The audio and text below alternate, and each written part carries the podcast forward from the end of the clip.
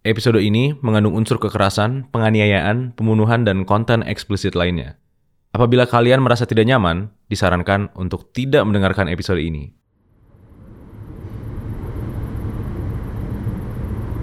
Pagi buta di daerah Lampung. Kita bukan di Bandar Lampung ya, tapi kita di jalan-jalan di luar Bandar Lampung. Seorang polisi sedang menjawab panggilan, dan dia ikuti alamat panggilan tersebut. Dan dari kejauhan, dia melihat sebuah mobil yang sedang terbakar.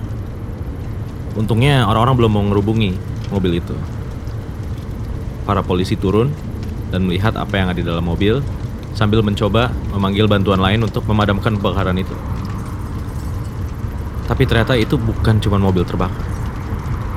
Di dalamnya ada sebuah mayat yang kupingnya sudah terpotong, mukanya sudah tertusuk-tusuk, badan penuh sayatan dan tusukan, dan lebih lagi tempat di mana kemaluan dia harusnya ada, hanya tersisa luka yang belum berhenti berdarah.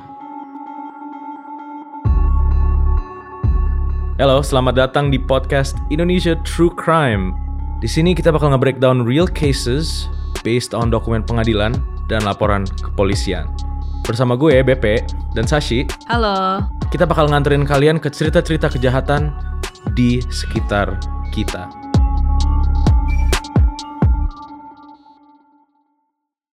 Oke, sekarang kita di episode 37 dan kali ini kita mau bicara kejahatan yang kayaknya sulit dibayangkan gitu.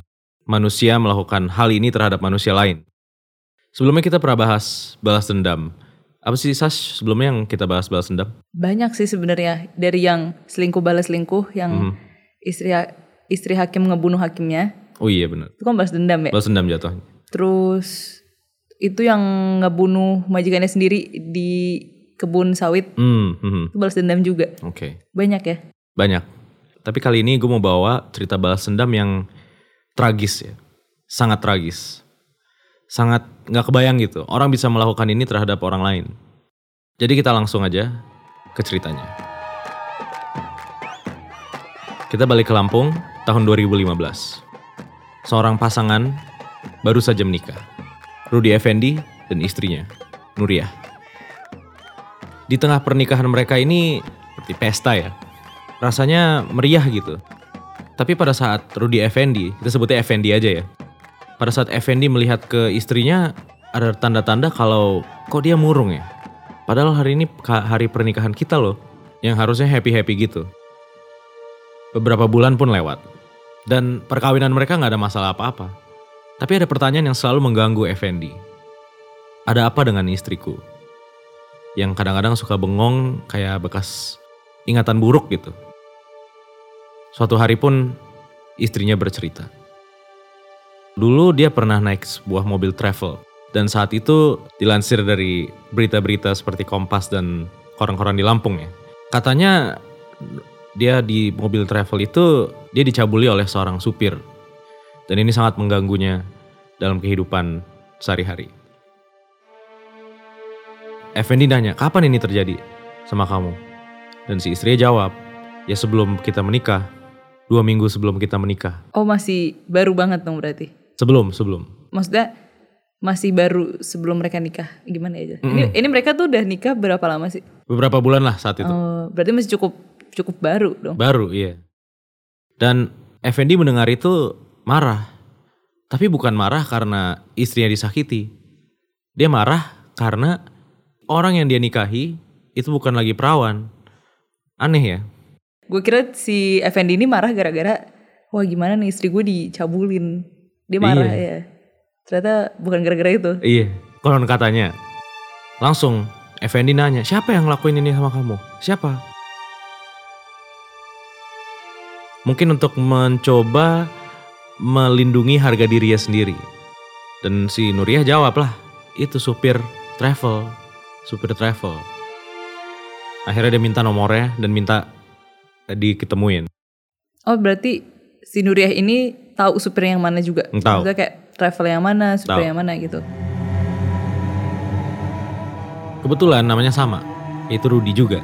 Nggak tahu ya, ini ini ini semacam joke dari semesta gitu, yang menyakiti seorang Rudy Effendi bukan lain dari Rudy itu sendiri. Jadi si Effendi ini memberikan sebuah rencana. Si istrinya disuruh ngontak Rudy, supir itu, dan si Effendi pura-pura menjadi penumpang. Tapi diam-diam dia bawa senjata tajam nih. Berarti istrinya Effendi ini tahu kalau emang ada rencana pembunuhan. Kurang tahu ya, gue nggak mau berspekulasi di sini. Tapi yang jelas ini ini runtutan kronologinya. Si Effendi pun naiklah mobil mobil travelnya si Rudy. Nah di situ mungkin dia pura-pura berhenti kali ya di tempat antah berantah gitu. Dengan numpang numpang berhenti, eh ditusuk. Jadi awalnya dia tusuk dulu sampai mati. Terus akhirnya berdasarkan report forensiknya setelah itu ada luka di telinga, memar di kening, memar di pipi sebelah kanan, dan yang paling shocking adalah kemaluannya terpotong. Reportsnya tuh mengindikasikan kalau dia dibunuh dulu sebelum dimutilasi badannya. Dan setelah itu, Rudy membakar mobil itu.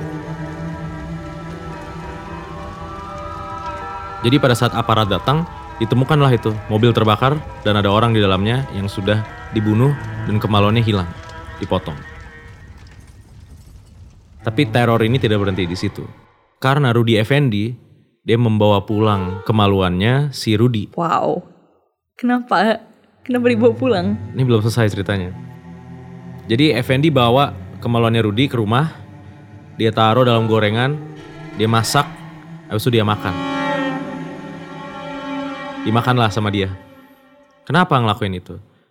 Ya inilah balasan bagi si pemerkosa istrinya.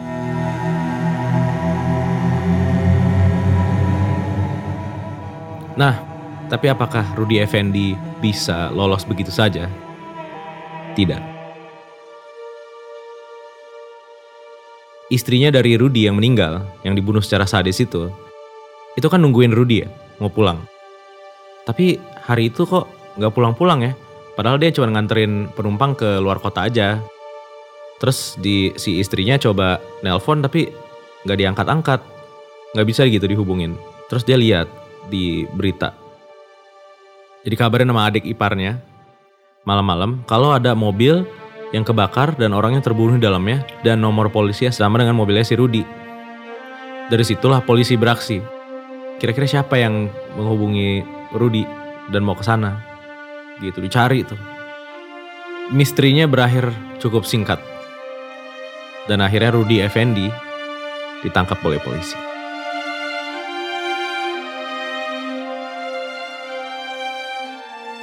Pas ditangkap oleh polisi dia nggak dia nggak bohong-bohong atau gimana? Nggak ini dia dia langsung ngaku iya saya yang bunuh. Saya yang bunuh saya yang mutilasi saya makan itu testisnya